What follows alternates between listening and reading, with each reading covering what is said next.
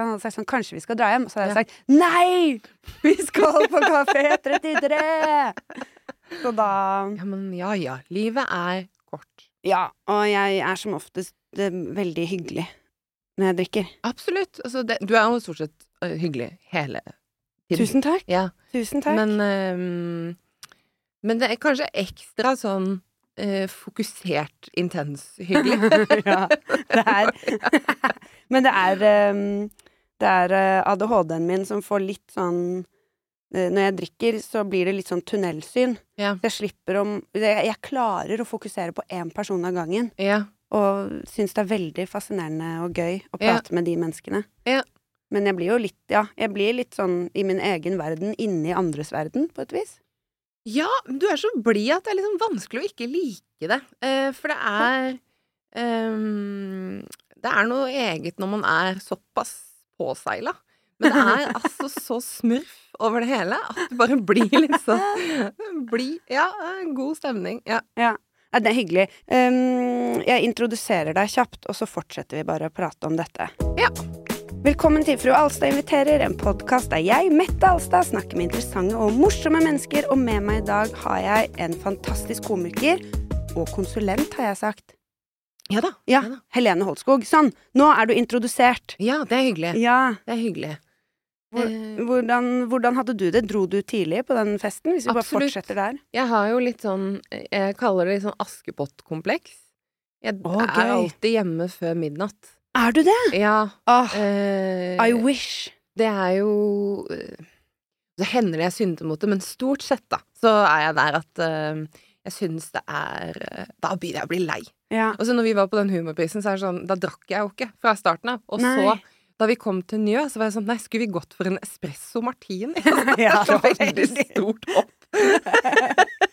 så da gikk jeg liksom rett fra null til sprit, og så Nei, nå vil jeg hjem. Ja. Da tok jeg en hyggelig bolt hjem, ja. Ja, Mm. ja, så du drakk ikke jeg, For jeg drakk med begge hendene på humorprisen. ja. Og så, når du tok espresso martini, så klarte jeg i hvert fall å si 'jeg skal ikke ha noe sprit'. Nei, nei, du gikk for øl, ja. Ja. ja. Men eh, nei, jeg syns det så godt ut. og Det var godt òg, det, altså. Mm. Men um, nei, jeg, jeg, kommer til et eller annet sånt punkt hvor jeg blir metta. Jeg tåler ikke så mye alkohol. Og da Da var jeg sånn Ok, men nå er jeg Da kjenner du for mye på at det er for mye folk. Liksom. Ja, ja, ja. Stå for mye mennesker, tjåka rundt og ja. og når det begynner å bikke der òg, så er jo ikke folk Blir jo ikke smartere. Nei. Du skal Jeg syns i hvert fall at det er ganske eh, Jeg syns det er gøy å være på fest Mm. når jeg er like full som andre, eller fullere. Mm.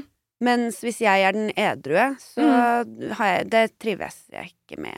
Jeg har ikke så stort problem med å være den som er edru, kjenner jeg, men eh, det er noe med at når folk kommer over et visst sånn fyllenivå, Mm. eh, så begynner det å skje sånne rare ting. Sånn, det var en fyr som sa sånn fire sånne metoo-aktige opplegg til hun ene jeg var sammen med der, og jeg bare sånn og så kjente jeg bare Jeg er for edru til å stå og høre deg si sånn Ja. eh, Snakke om puppene hennes som om det er på en måte helt grei Ja, ting å bare adressere. meg.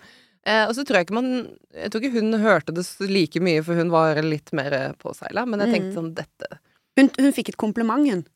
Ja, og så var hun sånn Det er ikke greit at han sier det. Jeg bare nei, det er ikke greit at han sier det. Full eller ikke, liksom. Men, eh, men da kjente jeg sånn Nå skal du hjem, fordi nå analyserer du for mye. Og du Ja. kan ikke analysere fulle folk. Nei, det, det er i hvert fall Du må gjerne gjøre det, men det er ikke sikkert at det gir noe resultat. noen hyggelig stemning. Eller, og det, så er det sånn Jeg har lever litt med sånn curfew i hodet. At jeg, jeg må hjem, på en måte. For det, det er begrensa hvor mye jeg tåler av um, På grunn av denne skaden, da. Uh, altså, så tåler jeg ikke så mye sånn masse støy, masse lyd. Uh, og da har jeg jo vært ute siden klokka er fem. Ja. liksom. Ja, for da kan vi jo bare, nå som vi først er inne på det Mm. Du, uh, vi skal snakke om masse, Mm. men du har du, Var det 2020? 2019, ja. 2019 Mm. så uh, sklei du på isen ja. Og slo huet Ja. hardt. Helt sånn vanlig, tror jeg. altså, sånn, Det sa bare eh, sånn poff! Ja, altså eh, jeg var Fortell, på vei, ja. nei, jeg var på vei ut av et møte på jobb. Um, med PC-en i den ene handa og papirer i den andre. ikke sant? Tusen ting man skal gjøre, og skal kjøre bil hjem og sånn. Og så eh, ligger det sånn lureis under snø, så du ser ikke at det er glatt. Ja. Så plutselig bare forsvinner beina mine under meg i en nedoverbakke, da. Sånn at jeg på en måte sklir Sånn ordentlig, sånn Donald-skli. Ja. Og så treffer jeg asfalten med bakhuet først. Å, fy søren. Eh, Med bakhuet først? bakhuet først, ja. Oi, så du har ikke landa med resten av kroppen? Nei da, nei, det var på en måte Det var treffpunktet. Ja. Oi! Og, for jeg var veldig opptatt av å ikke knuse PC-en, for det ville gjøre det så vanskelig å jobbe når jeg kom hjem. Ja. Mm.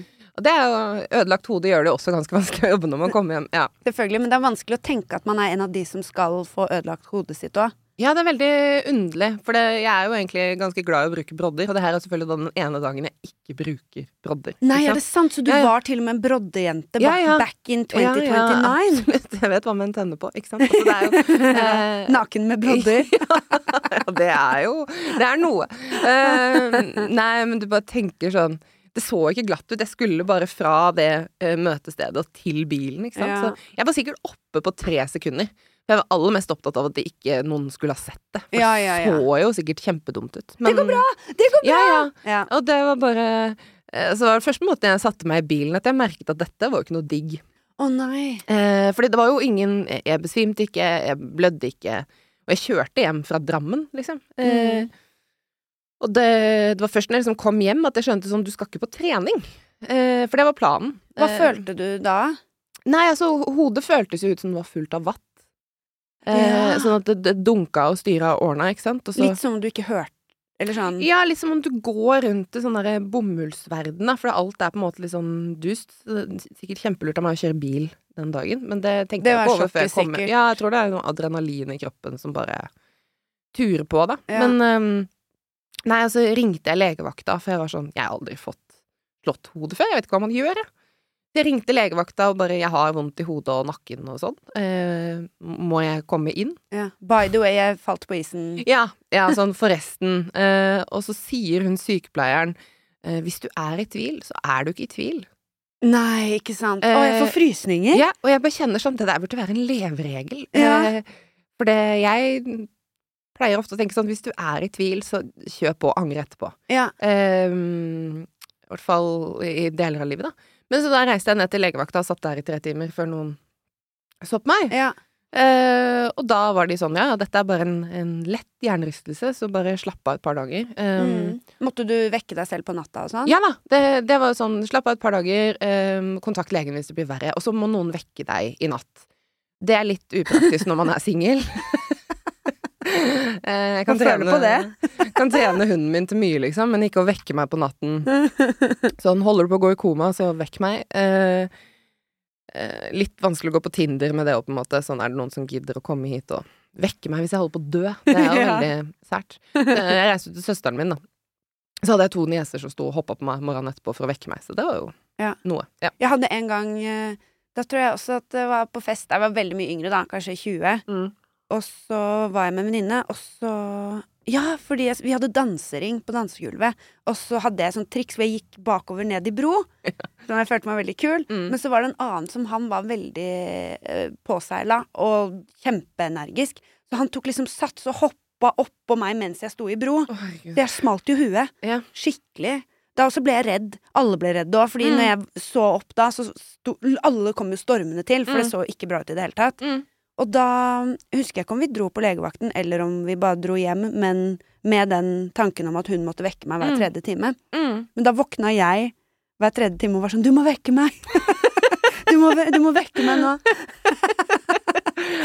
Åh, men det er så rart, fordi jeg føler alle har hatt en hjernerystelse opp igjennom på et eller annet tidspunkt. Ja. Det er veldig vanlig å få det når man har barn, eksempel, og så går det jo bare over. Alle blir bra igjen. Og så Mm.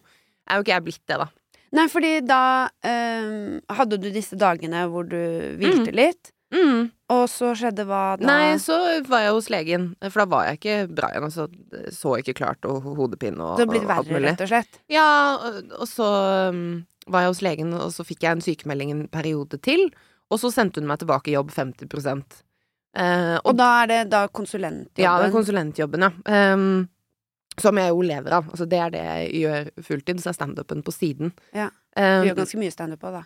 ja, i perioder i hvert fall. Ja. Um, men uh, i sum ikke så mye. Det ser mer ut på sosiale medier Ja, men er til I like måte. Alle er sånn 'herregud, Ja. så mye du gjør'. Ja.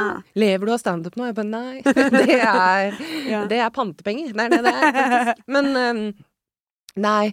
Så da dro jeg tilbake på jobb, og så skulle jeg møte en kunde i Drammen, ikke sant. Jeg holdt på med et oppdrag der, jeg falt, og så eh, kjørte bil til Drammen, stakk innom Ikea på veien, for jeg måtte bare ordne et par ting. Altså, Ja, ja. eh, satt der i et møte, møte på et kjøpesenter med sånne blinkende skjermer og masse lyd og masse støy, og på vei tilbake i bilen så var jeg helt overbevist om at jeg hadde fått en matforgiftning. Oi! Eh, og så eh, var jeg hos legen et par dager etterpå, hun bare Det var ikke en matforgiftning, det var bare Altså, da lå jeg i et mørkt rom i to dager, for da var bare Da hadde jeg Hjernen ja, fikk på en måte en veldig overbelastning, da, Oi! av det. Sånn at um, Og det er helt normal prosedyre. Legen min sa sånn lev som normalt, men du skal eh, jobbe 50 Ja. for å på en måte starte roligere. Eh, og den dagen var på en måte Den var ikke noe mot det jeg vanligvis gjør, da. Nei. Eh, eller gjorde, men det, det var bare altfor mye. Og siden det så har jeg ikke jobba så mye, da. På Nei. måte. Fordi det høres jo ut som du eh, til vanlig, eller før skaden òg, eh, var slash er en person med veldig mye kapasitet. Ja. Eh, jeg tror vel Altså, før jeg falt, da, så eh, jobbet jeg i et konsulentselskap, Mm. eh, og sikkert 120% Kan du forklare folk hva, hva på en måte definerer en konsulent, sånn i Ja. utgangspunktet? Det er jo eh, Stereotypen er jo det som du har sett på TV, ikke sant. De folka som kommer inn med sånn stoppklokke, og så tar de tida på, da skal du finne ut hvordan du kan løpe litt fortere. Ja, Um, I dress, føler jeg. Ja, i dress. Det er mye blåskjorter. Mm. Det er det. Um, men uh, jeg gjør ikke så mye av den 'nå skal vi time hvor lang tid du tar, og så skal jeg prøve å dytte deg til å løpe litt fortere'. Men jeg blir leid inn av kunder for å hjelpe dem med å finne løsninger på problemer de har, da. Ja, så du kommer litt fra utsiden, og så ser du på en måte hvordan Mm. funker denne dynamikken, og Ja. så De har et problem, eh, så finner vi ut av og kartlegger det problemet. Hva er utfordringen her? Og så kommer vi med forslag til hvordan vi kan løse det, og hjelper dem Ja. med innføringen av det, da. Eh, og det kan være enten at de trenger å få løst mer med de samme menneskene, og da handler det ofte om sånn kan vi bruke datateknologi til eh, Det fins jo ikke andre typer teknologi, så det er jo et interessant ord. Eh, men kan vi bruke Sett inn teknologi et damplokomotiv her. ja, kan vi bruke en robot til noe av dette? Altså sånn, kan vi gjøre Kan vi slutte å gjøre enkelte ting som vi egentlig ikke behøver å gjøre? Mm. Um, det er veldig lite av den 'nå må du bare løpe litt fortere', for jeg syns at du løper litt lite Ja. på jobb. Um, eller det kan være at de ikke kan være så mange mennesker som jobber der lenger, fordi at de har fått mindre penger. Eller eh, du skal slå sammen uh, flere firmaer, da, på en måte, til ett firma. Altså sånne type ting. Mm. Det, så da er man ute hos kunde og uh, snakker med folk og finner løsninger. Og det er det jeg gjør. Ja. Um, på jobb, da. Du var veldig god til å forklare det. Så fint! Jeg prøvde å dumme det ned. Ja, men det funker, og det er jo det som er det er bra. Jeg føler Eh, at det er noe man lærer med standup. Det mm, derre hvordan kan jeg dumme dette til et, eh, punkt hvor flertallet skjønner hva jeg mener, uten at man høres helt sånn Ja. ut som man sitter og forklarer et barn hva de skal gjøre, liksom. Absolutt. For jeg føler at det er noe med at folk tenker at konsulenter er sånne pengegriske folk som bare vil Ja, eller jeg, jeg tenker at eh, konsulenter ofte er litt kjedelige. Ja. Helt Ja, men- ærlig. At det er litt sånn I hvert fall, Ja. jeg jobba jo Jeg jobba jo i tech og sånn før, og da jobba jeg jo med mange konsulenter. Mm. Og da husker jeg veldig godt at Altså veldig mye hyggelige, morsomme folk, men Mm. jeg husker veldig godt at det at jeg drev med standup, var veldig eksotisk. Ja. Var sånn, Åh, du er sånn komiker, du. At det, det var liksom en helt sånn verden som egentlig bare ikke Den fins ikke i det. Men du har jo valgt begge deler. Hvor, hvordan Ja, og det er jo um, Jeg uh, begynte jo på standup på den vanlige Oslo-måten, hvis du kan si det på den måten. Altså, jeg gikk dette standup-kurset hos Ja, men hvordan starta du der? Ja, hos Ja. RDK. Ja, hos Sorry. RDK. Nei, men eh, jeg kommer til hvordan jeg starta der. ADHD-en min bare 'Dette kan vi!' Nei, nei. Eh, Dette vet jeg fra før av, Helene. Så da, ja. Nei um, Hos Reis deg komikerklubb, Hos Reis deg komikerklubb. som har et standup-kurs. Ja, som har et standup-kurs. Eh, og alle ting i verden så skulle jeg egentlig bare gjøre det for å bli bedre i konsulentjobben. Ja, du var derfor? Ja, ja da, sånn at jeg meldte meg på det kurset her, skulle aldri gjøre standup. Eh, men jeg hadde fått en tilbakemelding på jobb om at jeg kunne med fordel bruke litt færre ord for å beskrive ting. Eh, det har jeg ikke blitt sånn kjempemye bedre på, men eh, jeg bruker fortsatt mye ord. Men du bruker ord. enklere ord. Ja, jeg er blitt litt bedre på det. Men, men standup handler jo egentlig om å kommunisere et budskap sånn at alle i rommet forstår det, uansett hva de har med seg inn i det rommet, altså hvem de er og hva de har gjort før, og kortest mulig. Altså kortere vitser, bedre latter. Mm. Eh, så det var tanken at jeg skulle gå det kurset, lære meg noen teknikker, og så bruke det i jobb. Kan jeg bare si at det er en helt utrolig befriende grunn til å ville gjøre det kurset. Ja. Fordi alle andre er jo bare Jeg har hørt at jeg er litt morsom. Folk ler av meg på fest, liksom. Ja. Og det er jo selvfølgelig Jeg er jo en av de som fikk høre at jeg var morsom. Ja. Du burde prøve standup. Ja. Jeg, eh, jeg kritiserer meg selv i dette.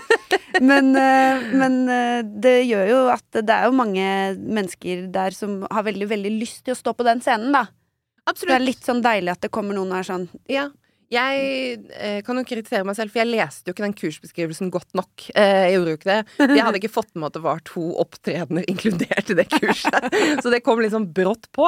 Jeg trodde at jeg skulle sitte på denne skolen på Sankthanshaugen i to dager og bare høre. Ja. Eh, og så skulle jeg dra hjem, og så slapp jeg på en måte Nå har jeg sagt at jeg har gjort dette, kan sjekke det av på utviklingsplanen min på jobb. Ferdig. ja. Eh, men så viser det seg at i det kurset så skal du jo gå på scenen to ganger. Mm. Eh, og eh, så var jeg sånn Men det, jeg skjønner jo at du skal eh, vise at du har på en måte lært noe, da. At du skal prøve deg fram på det. Det er da du lærer mest. Så jeg skulle bare teste det. Og det er det jeg fortsatt gjør syv år etterpå. Og tester jeg standup, på en måte. ja. Eller det har fått en annen rolle i livet mitt eh, over tid. Det har Ja. det. Eh, men, eh, men det var det som gjorde at jeg begynte med det, fordi at Altså, du sa at konsulenter oppleves som kjedelige, og det er klart at jeg jobber mye med kommuner, jeg jobber mye med offentlig sektor. Jeg er langt nede i sånne der nerdete detaljer på hvordan man bygger en organisasjon. Mm. Det, jeg liker det kjempegodt, men det er jo ikke den veldig kreative siden av meg som jobber der. Nei, og det er jo bare ø, ordet kommune. Nå har jo jeg lest Mm. uh, Gjorde min lille research og Mm. leste at du kaller deg kommunenerd. Ja. Så dette Ja. mener jeg ikke uh, mot deg, men, men for meg, da, Ja. så er ordet kommune veldig sånn beige. Ja, ja du, du tenker er litt ikke- på Etaten Ja. med Atle Antonsen. Mm. Eh, Du gjør det. Ja, The Office. Ja. Altså sånn, det er veldig sånn grå Ja. fargeskala. Det er mye jo- cardigan, på en måte. Eh, det er det. Men eh, Nei, jeg, jeg, mm, jobbet tre år i fagforening for sivilingeniører før jeg begynte med standup. Ja. Jeg har lært at nerd er et positivt ladet begrep. Det er litt sånn Og- og- viktig for meg. Og Eh, helt enig. Og, og dette er jo mine fordommer. Det er Ja. ikke det at jeg mener nei. at kommunen er sånn. Jeg elsker nerd, og jeg elsker at du er kommunenerd. Ja, ja, ikke sant? Og det er eh, Det står ikke på Tinderen min, det gjør det ikke. Men det burde det kanskje. Eh, kanskje, eller kanskje ikke. For det, det er litt Hvem tiltrekker det seg, på en måte? Eh, hodeskadet kommunenerd? Nei, nei, jeg tror ikke det. Eh, men jeg tenker at det er noe med at når du er eh, så uh, dypt inne i et sånn litt snevert tema på jobb, da, og trives med det, Mm. så kjente jeg på når jeg begynte å gjøre standup, at dette ga meg utløp for en annen side av meg. ja. At når du blir så nerd på jobb og trives med det, så trenger du å fjase litt utenom. mm. Så jeg får på en måte ut to forskjellige sider av meg ved det her. Mm. Og så tror jeg oppriktig at det å drive med standup gjør meg til en bedre konsulent. Uh, og det å jobbe som konsulent gjør meg til en bedre standup-komiker. Ja. Fordi jeg kanskje Jeg syns alltid det er så flaut når konferansierer på sånne klubbkveld spør folk hva de jobber med, og så skjønner de ikke svaret. Nei, Sånn enig. Når Jeg jobber i plan- og bygningsetaten. Hva er plan- og bygningsetaten? Så blir jeg sånn, ja, bli Ja. voksen, da. Ja, Mm. det, Der har du mitt analytiske slemme hode. Jo, jo, jo, Ja. men vi kan gå dit litt òg, fordi eh, nå er jo jeg ikke utdanna på samme måte som deg, da. Men jeg har jobba en del år i Jeg har bare sånn designutdannelser allikevel. Mm. Men jeg har jobba en del år i både reklame og eh, Jeg har faktisk vært rådgiver eh, i gamle, gamle dager. Ja. Men mer på kreativt, da. Mm. Men laget noen strategier og styra og ordna. jeg har det. Men, men eh, jeg også kom Og så har jeg jobba ganske mange år i um, um, Altså i teknologi. Mm. Sånn at jeg føler at jeg, jeg sitter jo Når jeg tøyser med hvor kjedelig det er og sånn, så sitter jeg jo Jeg føler at jeg sitter Mm. på en måte med Det er med kjærlighet at jeg sier det òg.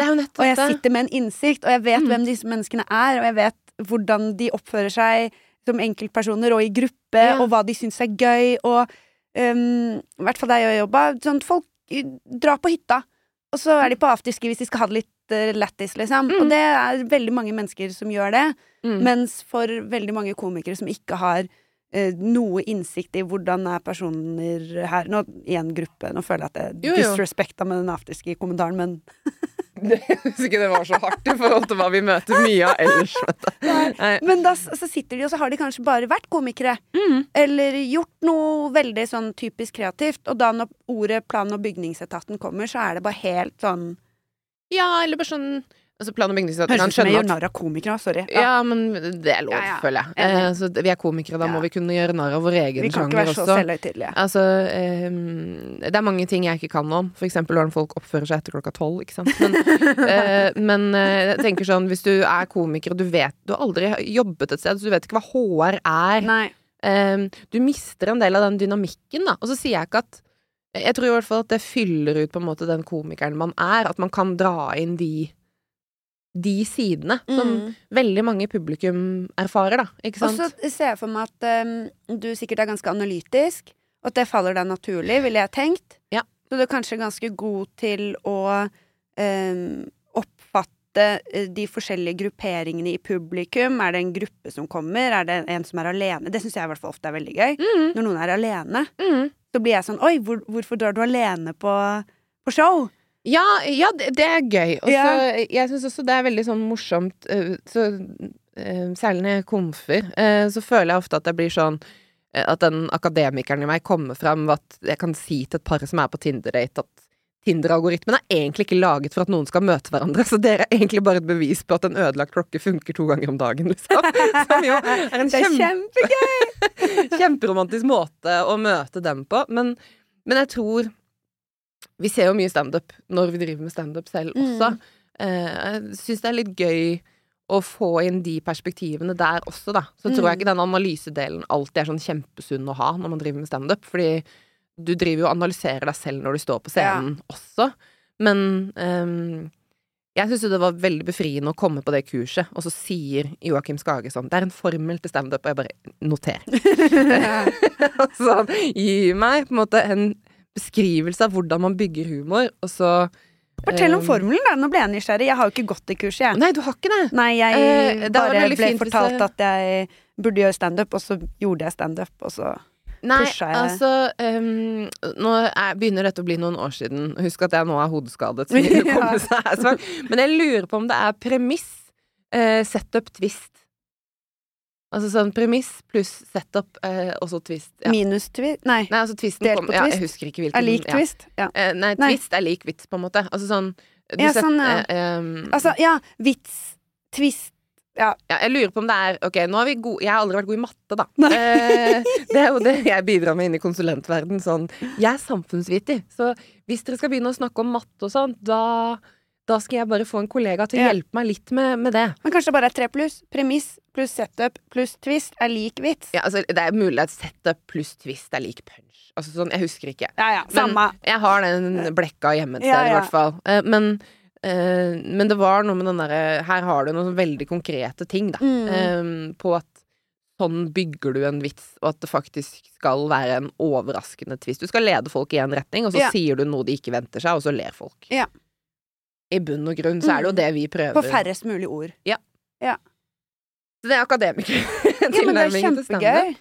Men eh, jeg tror jo det er, det er nok eksotisk for disse konsulentselskapene jeg har jobbet i, at jeg driver med standup. Jeg begynte jo da jeg jobbet i et selskap, Mm. eh, og da var det sånn Søkte om unntak og sånn, for du får egentlig ikke lov til å ha jobb ved siden av jobben. Mm. Eh, fordi at disse konsulentselskapene er litt mer opptatt av habilitet enn politikere er. Eh, så du skal altså sørge for at du ikke har noen eh, uheldige koblinger, da. Yeah. Ja. Eh, det er interessant hvor mye grundigere de er på det enn man er på Stortinget, liksom. Det ja, det er um, Um, men når jeg søkte der hvor jeg jobber nå, uh, så holdt jeg jo allerede på med det. Så da var jeg sånn uh, Jeg sier ikke ja til den jobben hvis ikke jeg får lov til å gjøre dette ved siden av, liksom. mm. Og det sa de ja til, da. Så det er jo veldig viktig for meg at sånn, jeg, jeg er begge deler, men jeg går aldri på scenen og vitser om konsulenthverdagen min. Nei. Uh, og jeg snakker også veldig, veldig lite om standupen min på jobb. Altså, jeg snakker Ja. aldri med kunder om det. Så hvis de googler meg, så finner de jo først og fremst standup-treff. Mm. Um, og det tenker jeg sånn, folk aksepterer at du er et helt menneske, og at du driver med ting på fritida. Tenker egentlig at det er så stor forskjell på om du uh, googler og finner ut at de driver med hest, liksom, enn om du er på Hva er det som gjør at du ikke har lyst til å blande de to, da? Eh, Altså, det handler jo litt om um, både for meg at det er to helt adskilte verdener. Mm. Uh, At um, jeg er fagnerden på jobb, eller så er jeg Helene eh, som gjør standup. Ja. Og så er det også en side av det at jeg vil ikke at kunder skal være redd for, når jeg er ute og jobber hos dem, at nå kommer vi til å høre oss om, om oss selv Ja, på ja, ja. scenen. Altså ja. sånn Det er den profesjonaliteten. Så det er altså avtalen jeg har med jobb, at dette Det er ikke noe problem at jeg driver med det, og så, så lenge jeg på en måte holder ryddige skott, så er dette helt fint. Mm. Um, men jeg skiller dem. Men det er jo, jeg vil jo likevel tenke at det hjelper jo for eksempel det der å um, forstå dynamikken i publikum, eller at publikum er en sammensatt gruppe. At Mm. du, eh, du er kanskje oftere eh, Eller du har større forståelse for eh, hvem som drar på show, enn det Ja. mange komikere har. For de aller fleste som drar på show, er jo ikke komikere selv. De er jo konsumenter av humor. Så de sitter jo på en måte med en distanse til eh, utøveren, da, tenker jeg ofte. Ja, og så er det noen ganger jeg tenker at det er en sånn fin ting, og andre ganger hvor jeg tenker at man kanskje kan overtenke ting litt for mye, for man analyserer. Sånn, jeg sto på prøverøret på Dattera til Hagen i forrige uke, og de fire første radene var fulle av 19-åringer, og du tenker Ja. sånn Jeg er 37 år gammel. Det er eh, Jeg skal snakke om tematikk som jeg ikke tror dere på en måte egentlig har så mye relasjon til, da. ja. Eh, og så gikk det veldig fint. Det er bare, så det lager jeg jo egentlig et problem i hodet mitt, Mm. mer enn det. Men, men Og hvis de ikke hadde ledd, så hadde det på en måte bekrefta det problemet du har laget, på et vis. Ja, altså de sitter der og snakker om russebussen sin. Ja. sant? Altså, det er to veldig forskjellige verdener, da.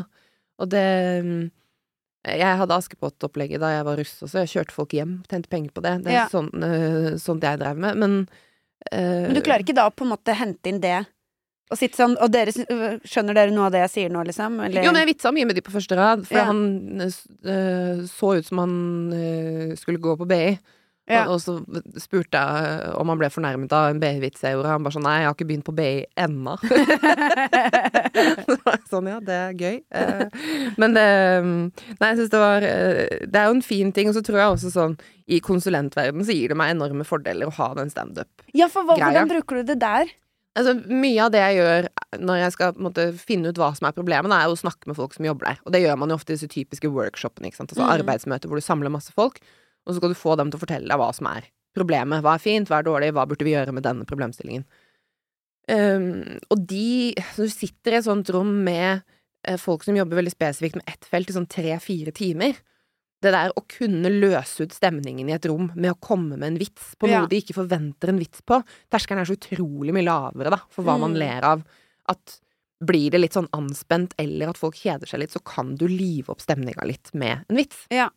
Og det føler jeg at gjør eh, den kommunikasjonen man har med folk, bedre. At du Mm. kan Du kan vitse med ting, da. Ja, Altså, Det blir jo litt nærere òg. Det Ja. føles litt sånn nå er vi en gruppe her inne, mm. på en annen måte enn eh, For det uh, kan jo hende igjen at uh, Eller jeg har opplevd litt det noen ganger når man kommer inn sånn fra utsiden òg. Mm. Så kan jo ofte folk bli litt i forsvar òg. At det er litt sånn skal du komme her og fortelle oss hva som er feil? Absolutt. Selv om man vet at det er jo derfor dere er leid inn, så er Mm. det jo ikke sånn at alle de som er i den workshopen nødvendigvis er de som mener at det er feil, da, eller Nei, og de vil jo ofte Eller mange steder ser man jo at de tenker at man har bestemt seg på forhånd. At det Mm. kommer til å bli på den måten. Og det, det har man jo aldri. Um, det er ikke sånn at jeg får en uh, Det konsulenter kanskje er reddest for, er dette bestillingsverket. At noen skal si 'vi vil at dere skal gjøre en jobb for oss', og dere skal Ja. ende med denne konklusjonen. Og det gjør vi jo ikke. Så jeg føler at folk er stort sett glad for å bli tatt med på råd.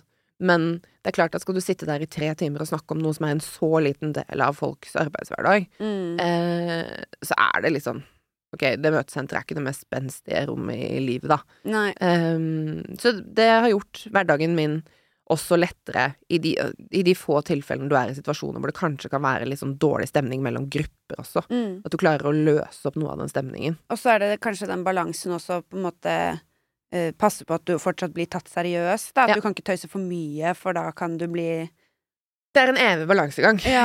Um, så det, og der tror jeg folk har så ulike grenser for hva man kan tulle med, og hvor mye man kan tulle. For noen vil jo synes at det er veldig, veldig viktig at det er seriøst.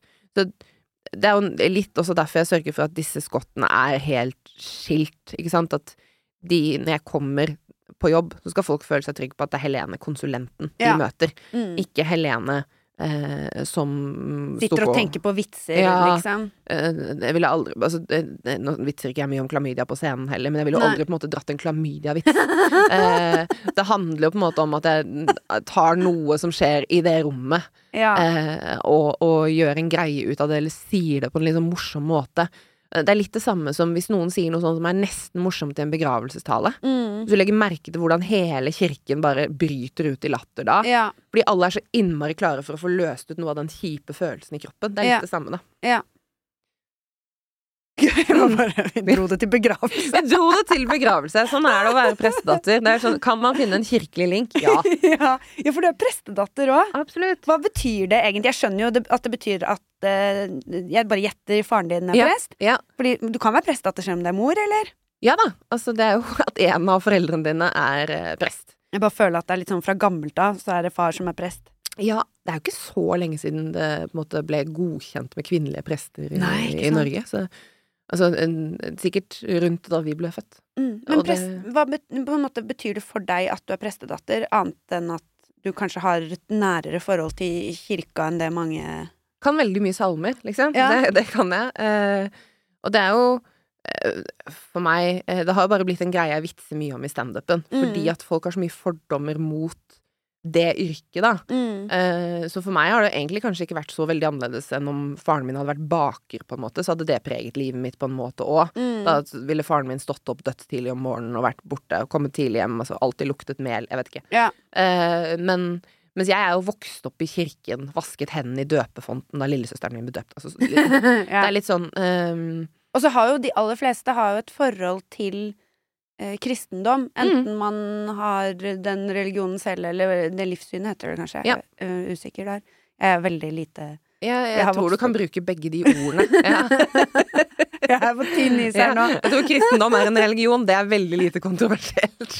Da slår du ikke inn noen dører, Mette. Nei. Men um, Nei, altså de aller fleste har en forhold til det. Og selv hvis du ikke er kristen, så har du på en måte hørt juleevangeliet så mange ganger at Mm. du skjønner en vits om det. Eh, og, De aller fleste har et forhold til gravlunder og Ja. og de aller fleste har en eller annen forhold til eh, en prest. Sånn uavhengig av om det er eh, noen de har møtt på den skolegudstjenesten alle skal på når de går på barne- og ungdomsskolen, eller Mm. eh, en begravelse for noen de har vært eh, nær. Altså, ehm, alle har møtt en prest. Ja. Og da ser alle for seg en ganske sånn konservativ type, da. Mm. Eh, så vet jeg ikke helt om det stemmer sånn veldig godt med den pappaen jeg forholder meg til. Nei. Men han er jo ganske verdikonservativ, sånn at um... Ja, for man må jo Dette er kanskje et dumt spørsmål, men man må jo tro på Gud for å være prest. Absolutt. Ja. Det, det, det må man faktisk. Det, det tror jeg er minstekravet. Ja. Hva skjer hvis man da slutter å tro på Gud? Da slutter man jo å være prest. Det er jo litt som Bjørn Eidsvåg-opplegget. Han var jo prest. Å, men han tror ikke på Gud lenger? Nei, det har jeg han- bare tenkt at han gjør, jeg. eh, Om han eh, Ta det med en klype salt nå, for jeg husker ikke uttalelsen, men, men han har i hvert fall sluttet å være prest. Han gikk på studiet sammen med pappa. Ja. Um, eh, og det eh, det er eneste på en måte gode jeg har fått av at pappa er prest noen gang, at vi fikk første radbilletter til Bjørn Eidsvåg-konsert i kirken da pappa er prest. Eh, men uh, når Bjørn Eidsvåg kom i helikopter Altså, det var Ja, Ja, det spennende. ryktes som at han pleier å gjøre det. Spennende opplegg. Nei, men han tok vel avstand fra det til Ja. en viss grad, så han jobber jo ikke som det lenger. Nå har han sikkert noe annet å drive med, men Ja, jeg, jeg mener at han bekjente seg som ikke-prest. Så tenker jeg sånn, her får du legge ved en sånn derre fotnote, Ja, hvis dette ikke stemmer. Bare sånn, ja. Eh, men eh, Nei, de, de, de går jo syv år på studiet for å Hæ? Ja, ja. Altså, jo- studere latin, og det er liksom eh, helt Oi. sånn Ja, veldig eh, langt. Sånn at du, du, har syv år til å tenke på, tror jeg, på Gud. Ja, ja, for å innse liksom Ja. tror- Fordi hva er på en måte egentlig rollen til en prest annet enn eh, å lede begravelse? Er det på en måte å, å, å forkynne Er det liksom å si Eller hva Jeg kan så lite! Og nå kan jeg lære deg dette, Ja. kan du lære det til ditt barn, hva Ja. en prest gjør. Ja. Nei, altså um, de holder jo gudstjenester hver søndag, ikke sant. Det er jo fortsatt sånn at folk skal kunne samles i troen, da, som Mm. de uh, sier da. Og så er det jo dåp, hvor man da um, melder folk inn i kirken med den er Løvenes kongebevegelsen hvor du holder ungen opp sånn. Kjære menighet, ta imot Ella. Ehm, så vier han jo folk, og så begraver han folk. Og så er det jo mye Det er mye ungdomsarbeid i kirken, det er mye korarbeid i kirken. Det er jo et lite samfunn. Det er, er på en måte Han driver liksom en kirke, på et vis? Ja, han er jo um, Det er jo mange som driver en kirke, Uh, så han er jo den som uh, holder gudstjenester og sånn. Ja. Uh, men han har jo også le, leder jo også konfirmantarbeid, og er med i altså, eh, kirkeråd, altså disse styrene og sånn som sitter og skal beslutte hvordan man bruker pengene til menighet. Altså. Er det litt som å være rektor? Ja, kanskje litt. For at det er en god måte å beskrive rollen på, da. Ja. Ja. At du har på en måte folk rundt deg som hjelper deg å lede denne gjengen. Men, Ja. eh, men, eh, men du er talspersonen, Ja. du skjønner? Ja. Men var du mye i kirka som liten og sånn, da? Ja, det var jeg nok vokst opp i. Sånne eh, barneaktiviteter i kirken og kor og jubelgjengen, ikke sant. Ja. Det vet ikke jeg hva er. Nei, det er barnekoret eh, som jeg gikk i da jeg var barn. Jubelgjengen. Ja, som jeg syns det er et veldig koselig navn. Ja. Eh, og det er eh, Men eh, jeg ble konfirmert i kirken, og det, det har vært mye der. Dreiv TenSing i fire år, liksom. Altså, Åh, så du synger egentlig ja, jeg jeg har jo Ja! Jeg eh, må jo si at jeg er eh, mye mer komfortabel med å gjøre standup i en mikrofon nå enn jeg er å synge lenger. Ja. Um, men jeg har sunget på julaften i kirken hvert år siden jeg var barn, omtrent. ikke sant? Mm. Så sluttet jeg med det for noen år siden, for jeg fant ut at men når jeg kan gjøre standup, hvorfor? Ja. Hvorfor skal jeg gidde å bli så nervøs for dette, liksom? Da kan jeg bare sitte og se på. Men um, nei da. Jeg vokste opp med det, jeg kan spille piano, og det er liksom Ja, det er jo en sånn riktig Jeg barndom. jo Det er jo litt gøy, fordi eh, jeg skjønner at det blir mye standup av det òg. Fordi selv om eh, alle har et forhold til det, så er det jo noe med sånn Det er ikke så mange som vokser så tett på et trossamfunn, egentlig. Nei. Og så tror jeg Det som jeg syns det har blitt best standup av, da, er jo ehm, den veien jeg har gått etter at jeg ble voksen selv. Mm. For jeg bare vokst opp med dette som rammeverk. Altså sånn er det Gud skapte verden, Gud skapte dyrene, Noas ark, Jesus døde, Jesus, hele greiene. Mm. Eh, og så når du blir voksen, så møter du på en måte Men hva tror jeg, da? Ja. Altså, hva er det naturfagen, eller er det dette skriftet som Mm. jeg måtte kjenne meg igjen i? Og det er jo litt den derre utenfra og inn-perspektivet på tro og bibel og sånn, som jeg føler at har gitt meg mest verdi som standup-komiker. Og bare sånn at Bibelen åpenbart er skrevet av menn, ikke sant? Altså, sånn, ja, det er gøy. Uh, og, og det er den jo, yeah. uh, men, men jeg, tror, jeg tror kanskje du må ha vokst opp i et sånn type miljø for å kunne se det, og samtidig ha den der humorgreia hvor du leter etter vitser. Mm. Jeg synes det er kjempegøy at i juleevangeliet så nevner du fire menn før du i det hele tatt nevner hun som skal fø. Ja, ikke sant. Og det er eh, Det handler om Jesus, men det er liksom vi skal nevne hvem som var keiser, og hvem som var konge, og hvem som var faren Altså, det er veldig Mm. Det er en svunnen tid, da. Ja. Så, så det er noe interessant i det. Og igjen så er det jo noe med at eh, jeg syns i hvert fall at eh, hvis man har respekt for temaet, så er det Mm. mye lettere å tøyse med.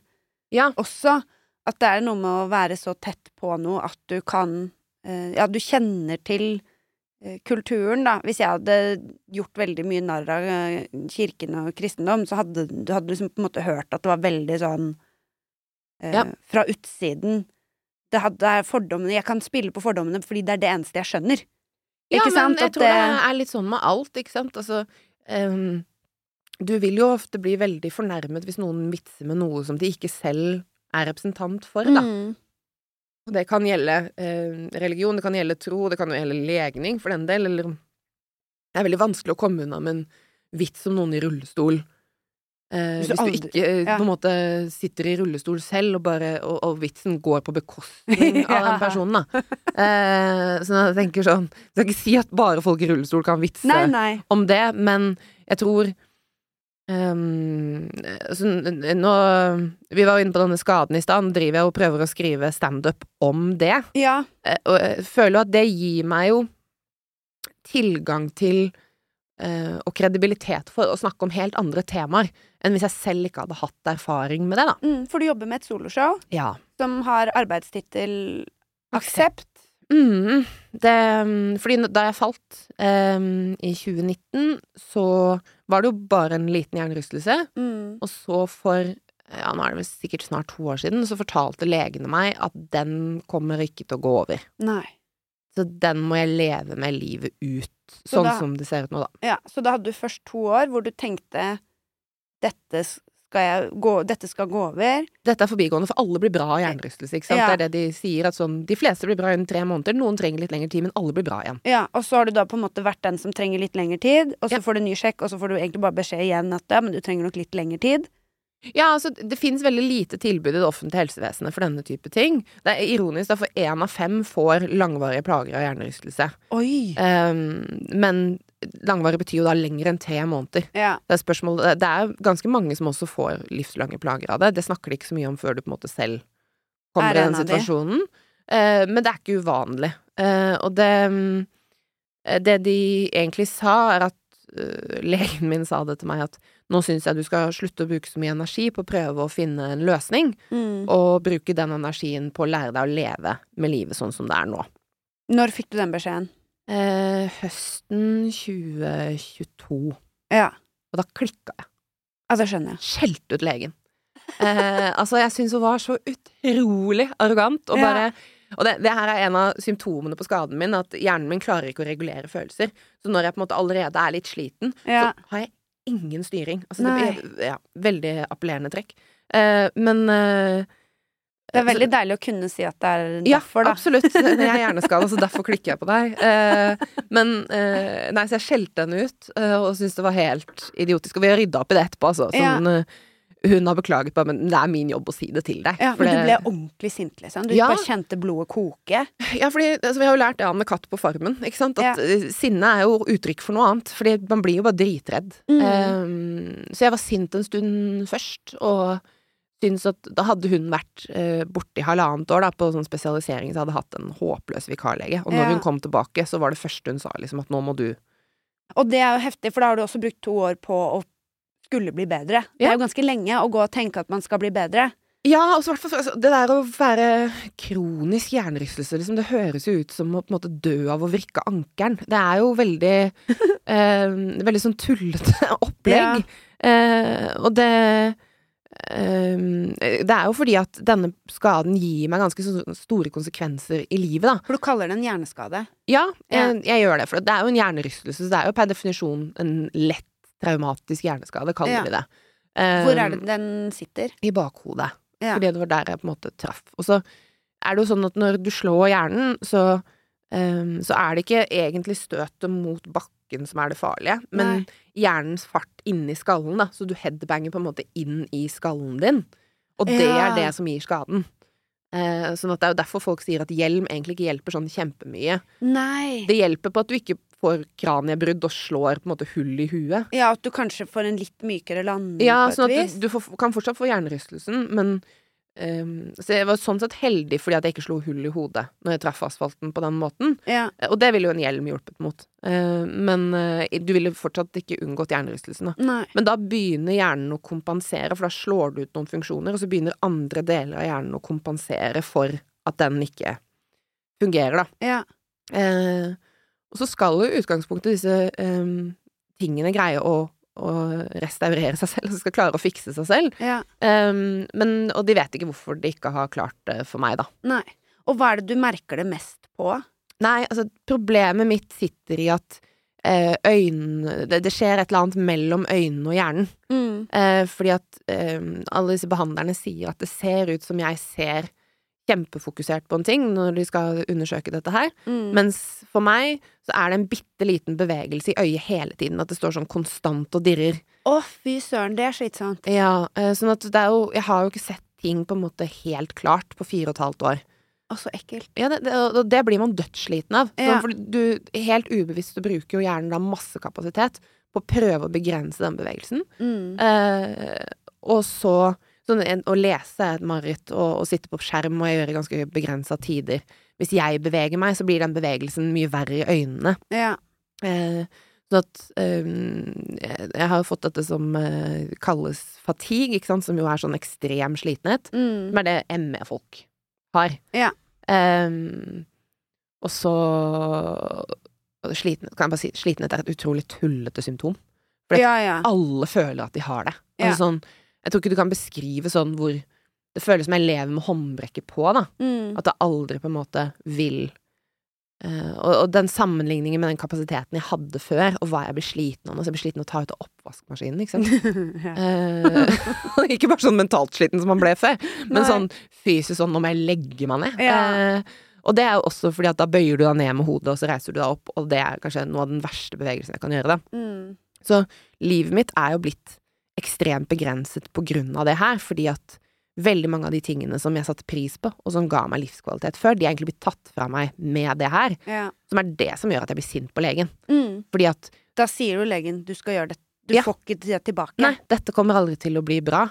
Og før du Og da får du den Anne Katt-effekten, eh, hvor du blir så sint fordi du blir så redd. For det føles som noen bare trekker teppet under beina på deg. Mm.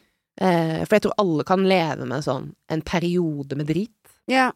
eh, men når du finner ut at dette skal du på en måte alltid ha, Ja. eh, det, det var heftig. ja det Eller er heftig. Ja. Um, så det Det er jo Før jeg falt, så jobbet jeg 120% ikke sant. Jeg har hund, jeg drev med standup, jeg trente crossfit fire-fem ganger i uka. Eh, var veldig aktiv og følte meg som verdens lateste menneske. Ja, altså, jeg følte jeg aldri gjorde noe som helst.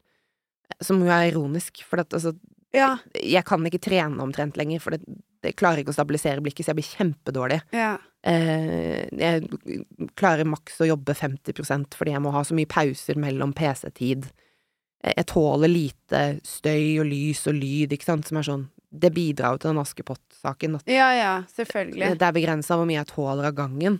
Og det mm, Så alle de som har vært glad i å trene, vet jo hvor viktig det er for å føle at du har det bra, da. Ja, ja, ja. Det er både det med endorfiner og sånn, men også det å få ut energi. Ja. Som samler seg opp inni, og som blir nesten sånn trykkoker eh, Ja. når man ikke får det ut. Og det er jo Jeg har jo fått barn, så jeg har jo trent veldig mye mindre siden jeg fikk henne. Eh, og det jeg gjør mye nå, er jo å gå tur med hunden, for Ja. eksempel. Og det er jo deilig, det. Mm. Men det er jo ikke det samme som å få liksom Nei. pusha ut denne energien. Nei, altså i hvert fall sånn ordentlig hard trening, da, som det jeg gjorde mye av før, Mm. har jo den effekten at du, du tenker ikke på noe annet. Nei. Altså som det er eh, en time eller en halvtime eller hvor lenge du er på trening, hvor du bare Du er helt pause fra alt som skjer i livet, hvor du bare Og du, den får du ikke av å gå tur. Nei. Eh, og så er det sånn Jeg skulle jo Jeg kan fortsatt tidvis gå lange turer, men veldig ofte når jeg er ute på tur med hunden, liksom, så lubber jeg jo av gårde. Ja. lubbe et ord? Jeg tror ikke lubbe er et ord. kjempefint ord. I hvert fall. Lunte var ordet. Ja, Eller eh, labbe. Ja, ja det, var, det var et hybrid der. Gøy. Det er hjerneskade. Um, nei, men så lunte jeg av gårde, og så kommer jeg sånn 45 minutter ut i turen, ikke sant? Og så er det like langt tilbake, og så kjenner jeg sånn Nå skulle jeg vært hjemme. Ja. Nå, for nå er jeg for sliten til Ja. å egentlig gå tur, og da må jeg jo hjem. Ja, fy søren. Og da er du ute to dager etterpå, da, Det er heldigvis ikke to dager, da. Den restituerer meg raskere. Men øh, det er jo sånn store ting i livet, eller stor, mye stress og mye jobb. Da må jeg planlegge inn at da kan ikke jeg gjøre noe dagen etterpå, liksom. Nei. Men det er heldigvis ikke sånn to dager i et mørkt rom som disse stakkars ME-folka Ja. har. Men, øh, Men det er helt annerledes enn det det var. Vanvittig. Ja. Og det er jo det som er problemet, at du går hele tiden og sammenligner deg med sånn det var, da. For Mm. du vil jo bare tilbake dit. Ja. Det, det som skulle på en måte være en pause. Og så var det sånn, ja ja, men nå har du fått dette, da må du bare vente på at det går over. Mm. Og så går det ikke over. Hvorfor har du lyst til å lage humor om dette, da? Fordi at um, Jeg hørte Sigrid Bonde Tusvik uh, på en podkast. Mm. Um, eh, og ikke bare derfor, Sigrid. Ta det kraftig med ro. Uh, men, uh, men jeg syns hun sa noe klokt, for at hun var på en podkast, og så snakket hun om dette med spontanabort. Mm. At problemet rundt dette her er at så mange opplever spontanabort, Mm. og så snakker vi ikke om det. Vi forteller ikke at vi er gravide før vi på en måte vet at det er sikkert, fordi Mm. at den spontanaborten er så lei hvis den skjer, da. Og så er det jo kjempevanlig, og det betyr jo da egentlig bare at veldig mange mennesker går rundt og har det drit uten å fortelle det til noen andre, og så går vi og har det drit alene, én etter én, Ja. uten at det egentlig Du føler deg så ensom i det, da. Mm. Eh, og det, eh, det er en sånn greie i samfunnet at vi, vi snakker ut om den tunge tida etter at den er over. Ja. For da kan vi klare å vinkle det med positive følelser, Mm. på en måte. Og da kom man seg gjennom Ja, det. og gud, altså jeg kan ikke skjønne hvordan jeg klarte det, men se på meg nå. Mm. Og nå kan vi grine litt over hvor tungt det var, fordi nå er det på en måte ferdig. Mm. Eh, og det betyr jo egentlig bare at når vi har det vanskelig, da, så går folk alene med det. Yeah. Eh, og så snakker de kanskje med noen rundt seg, men i bunn og grunn så føler alle seg like alene i den Mm. situasjonen, fordi vi som samfunn snakker veldig lite om det.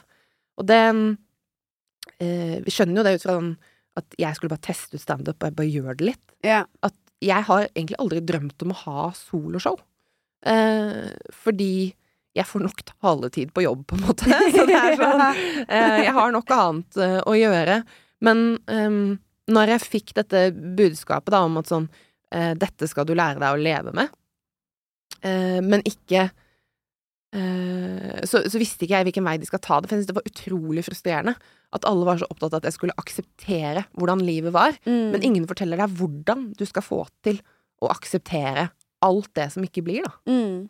Um, så det var egentlig bakgrunnen, at jeg tenkte sånn um, Det er kjempevanlig at vi får oss en på trynet av livet. Det skjer nesten alle i løpet av livet, ikke sant. Altså, ja.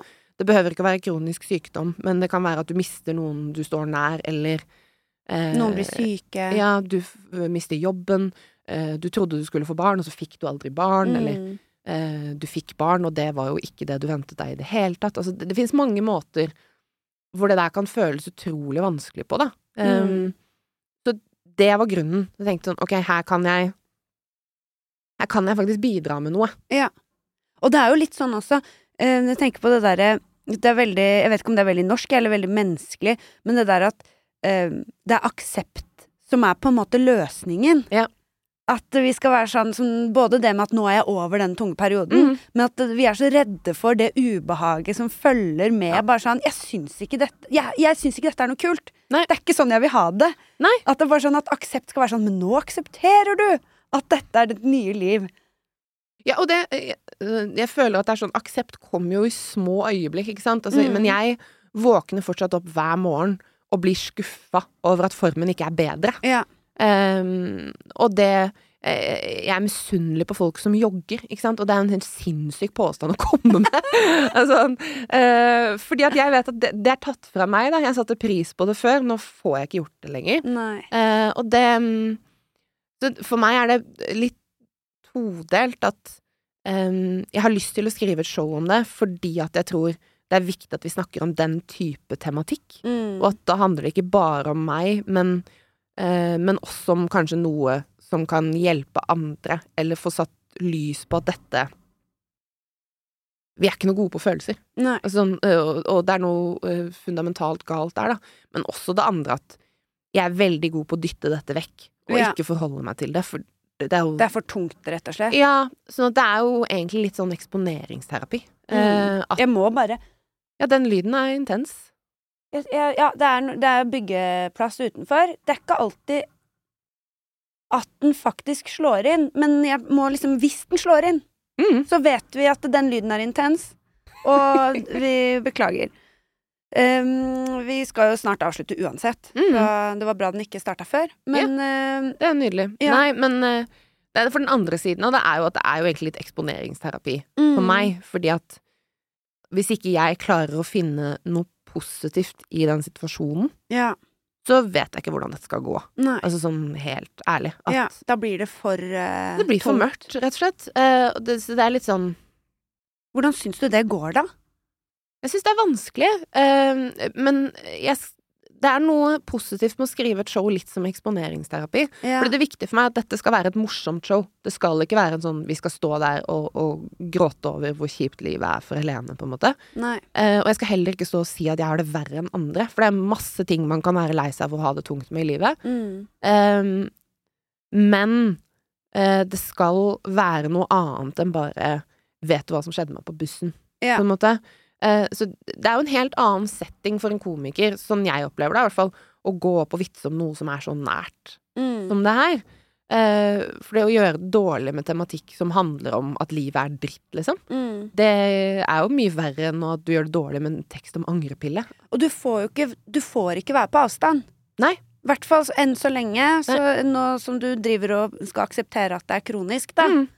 så du får på en måte egentlig aldri være på avstand av det. Du kan ikke si etterpå Så nå er jeg rundt det, liksom. Du må faktisk stå og lage humor på det mens du opplever det.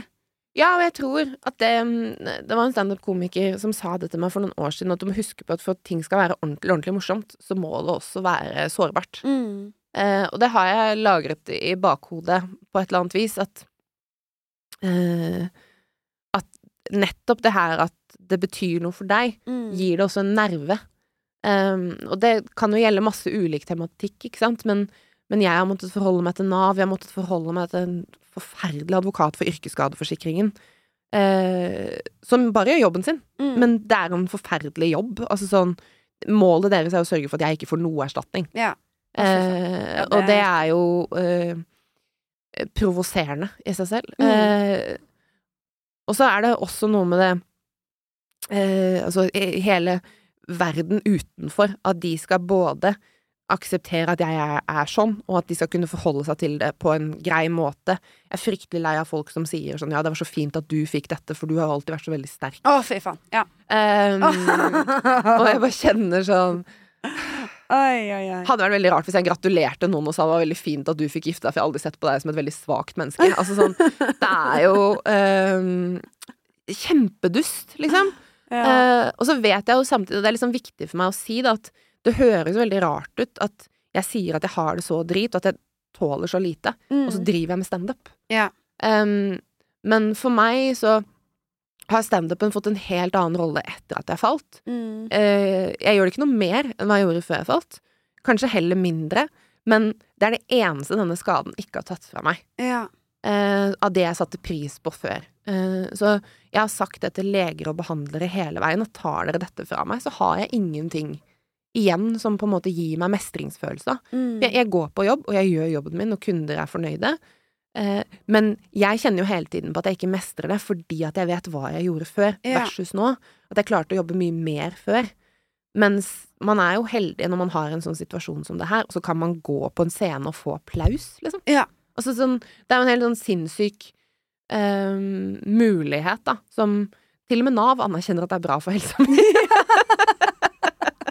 det er sånn, si fra hvis du begynner å strikke, for det har vi et problem med, faktisk. Ja. Men um, Nei, jeg kjenner at det uh, det, det er blitt kjempeviktig. Ja. Um, så selv om jeg føler tidvis at jeg kanskje er den som avlyser oftest til arrangører, fordi at altså, hvis jeg er dårlig, så har jeg ikke sjans, på en måte. Det er, det er ikke noe uh, mulighet for å komme meg ut. Ehm, men jeg setter innmari pris på det uh, når jeg er der. Så selv om jeg kommer seint og går tidlig for å prøve å få dette til å gå opp med på en måte livet, da, Mm. så er det blitt en kjempeviktig del. Så derfor tror jeg det ble så naturlig å, og da bruke det som en sånn måte å behandle det på. ja. At det hadde vært veldig kunstig hvis jeg nå skulle begynne å skrive tekster om ting som var så langt unna, når dette er det som på en måte Mm. fyller hele livet mitt, da. Ja, og det er jo både, som du sier, eksponeringsterapi, men også, tror jeg, veldig fint Det er jo det som er det fantastiske med humor, at det kan føre folk nærmere, da. Mm. Og man kan snakke om ting som er ubehagelige, og som er vondt, og, og det å eh, kunne, som du sa i stad, så i konsulentjobben din, egentlig brekke opp eh, eh, vond, litt rar stemning Mm. med en vits. Mm. Det å kunne ta et så alvorlig tema og si Men vi skal le av det òg. Men det, det er faktisk, vi skal faktisk gjennom noe her. Ja, og jeg tenker at det er um, Man kunne jo sikkert valgt å vente med å skrive show om det til man var ferdig prosessert. Mm. Ikke sant? Den klassiske tilnærmingen sånn 'Å, dette skjedde meg på et tidspunkt. Ja. Det, nå kan vi le av det sammen'. Uh, men jeg tror det har en veldig egenverdi sånn som det er nå, da. At jeg kjenner fortsatt veldig på disse tingene, og Mm. står midt i det. Og at dette hjelper meg med kanskje å finne veien gjennom, hvis du yeah. skjønner. Um, uten at jeg skal bli en komiker som bare snakker om at livet er dritt, for det, det blir jeg ikke. Uh, men jeg tror det er en viktig bit i formidlingen av det her, og i, i å jobbe seg gjennom det, da. Ja. Uh, og så tror jeg oppriktig at det ligger veldig mye humor i de situasjonene. Altså sånn Det er jo gjenkjennbart òg, i, Ja. i alle Altså, du trenger ikke ha en eh, hjernerystelse Nei. for å kunne kjenne igjen at det, noen ting i livet må man bare akseptere at eh, er sånn, og, og det å bare tillate seg at det er ikke alltid man kan akseptere heller, liksom. Nei, og det, eh, jeg føler at det er, litt, det er derfor dette showet ikke skal hete Hjerneskada. Ikke sant? Altså, ja. at dette skal ikke bare være medlidenhet med Helene-showet, men, men greie den gjenkjenneligheten i eh, det der når livet gir deg en på trynet, da. Og Bare Mm. sånn, ok, men det du trodde du hadde på plass, det må du finne nye løsninger på. For Ja. den Nå er du i ingenmannsland, finne ut hvor du skal, liksom. Mm. Um, så jeg syns det er um, en faglig utfordring som komiker Mm. å skrive vitser om noe som er så nært. Og så syns jeg også det er veldig kult når det lykkes, da. Ja. Og jeg gleder meg veldig til å se det. Nå er jeg så heldig at jeg til og med får lov å lese litt uh, og bidra litt underveis med vitsene dine. Så, og det lille vi har snakket om til nå, er i hvert fall dødsmorsomt. Og skikkelig, skikkelig sårt. Og bra. Og det er veldig hyggelig, tenker jeg. Eh, Jeg setter veldig pris på eh, altså, Det fine med dette komikermiljøet, som jeg ikke tror vi snakker nok om, er at når man viser sårbarhet overfor hverandre, så møter man kanskje bare enda mer av den velvilligheten og støtten, da, som, Mm. som jeg syns at det miljøet her er veldig godt på. Um, og har sittet og snakka med masse ulike kollegaer om denne tematikken. Sånn, hjelp meg å se hvor det er morsomt hen. Ja. Fordi at Jeg klarer Ja, ikke akkurat Nei, nå. for at jeg skjønner at det er helt sykt, men hva er gøy med dette, liksom? Uh, og det der um, uh, Å gå og bare Ja, dette er en sprø situasjon, men den er Mm. helt sann. Hjelp meg å få den troverdig, Ja. liksom. Eh, og det mm, Nei, jeg syns det er veldig kult, og så heier jeg på at folk skal snakke mer om, om hvordan de egentlig har det. Mm. Eh, fordi det, det har slått meg det siste året at sånn Når spørsmålet 'hvordan har du det?' er det vanskelige spørsmålet, liksom. Ja. Eh, så er det jo egentlig bare fordi at jeg i hodet mitt er sånn Skal jeg være ærlig? Eh, Ja. Eller skal jeg svare det du vil høre? Fordi noen ganger Mm. er det utrolig deilig å ikke være hun. Og, og hvis jeg skal være ærlig, orker jeg Ja. det? Orker jeg å være den? Fordi det kan i hvert fall jeg føle på. Sånn, Ja. hvis, jeg, hvis jeg har det litt dritt, så er det én ting å si jeg har det litt dritt eller noe, men kjenne på sånn Orker jeg faktisk å ta imot? Mm. Hvis du nå da Hvis jeg sier jeg har det ikke noe bra akkurat nå, Mm, og så skal du være velvillig, mm. så skal du gi meg den ehm, Ja. Du skal gi meg kjærlighet, da, rett og Ja. slett. Orker jeg det nå? Ja. Orker jeg å ta inn over meg at du unner meg dette, eller du vil meg vel? Ja, og så er det jo ofte sånn hvis jeg først sier at jeg har det helt medium minus, som har vært min måte standardsvar Ja. den siste, som jo er å runde opp, kan vi si det sånn. Ja. uh, uh, så kommer det jo et følgespørsmål, og da Mm. merker jeg at jeg bare Da skal jeg likevel liksom sminke bruden litt. Det er sånn Ja. ja, nei, det er ganske tungt, men nå er det snart jul. Ja. Altså sånn, Det er veldig at jeg skal Mm. bare jeg skal, og Da blir det sånn tullete, for du slipper sånn folk halvveis inn. Ja. Og så underminerer du Altså, du eh, undergraver litt egentlig at du vil formidle at det ikke er noe bra, da. Mm. Men um, jeg syns det var fascinerende, for jeg spurte uh, de på første rad, disse 19-åringene, uh, om hva det verste spørsmålet de kunne få fra legen var. Ja. Eh, på det settet jeg gjorde det forrige uke. Og så svarte han fyren ja, noe med rumpa. Eh, selvfølgelig. ja. og, så svarte, og så svarte hun jenta 'hvordan har du det?' Og så var jeg sånn Lille venn. Eh, vi må prate etterpå, tenkte jeg. Men det er jo Det er noe betegnende i det. Ja. Eh, så det Nei, jeg tror det er en, en gøy kreativ prosess, og så en helt nødvendig Mm. eh, greie for meg. Og så håper jeg at det ender i et show som folk har lyst til å se og lyst til å le av. ja, det tror jeg. Det gjør. Når har du satt noe dato, eller? Eh, håpet er at jeg skal sette det opp i oktober, tenker jeg nå. Ja, men i år. Eh, mm. Ja. Og så får vi se, da. For det, det er jo Um, Jeg har bare den energien jeg har. Og så er konsulentjobben er jo dagjobben min. Det er der jeg bruker energien min. Og så er, er dette en hobby som jeg gjør i rykk og napp. Mm. Men det er klart, dette går i hodet mitt hele tiden.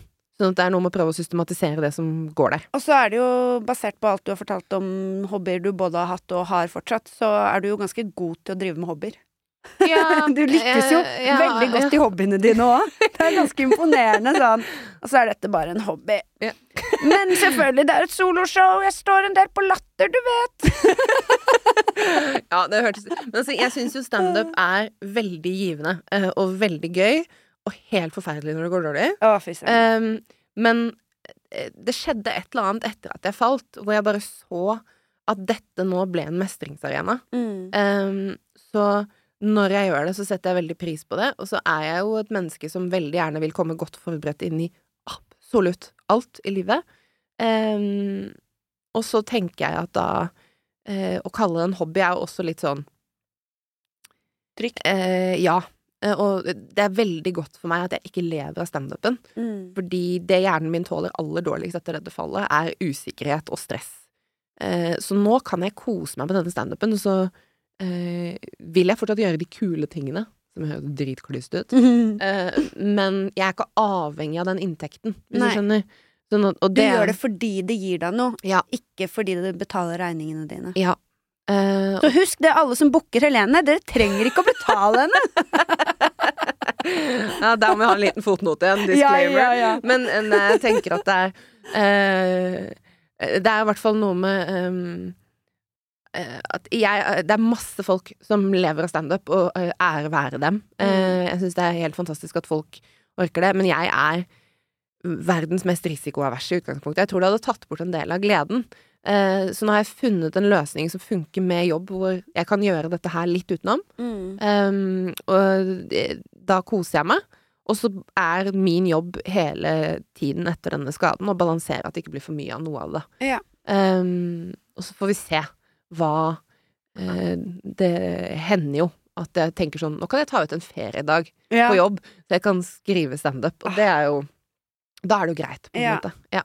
Ja, Jeg gleder meg i hvert fall veldig til å se det, og eh, forhåpentligvis er det oktober. Hvis ikke så blir det en annen dato, men du eh, kommer nok tilbake i denne podkasten før, eh, før premieren uansett. Så kan vi snakke cool. enda mer om showet da. ja, det er gøy. Da kan vi snakke masse om alt trist og tungt i verden.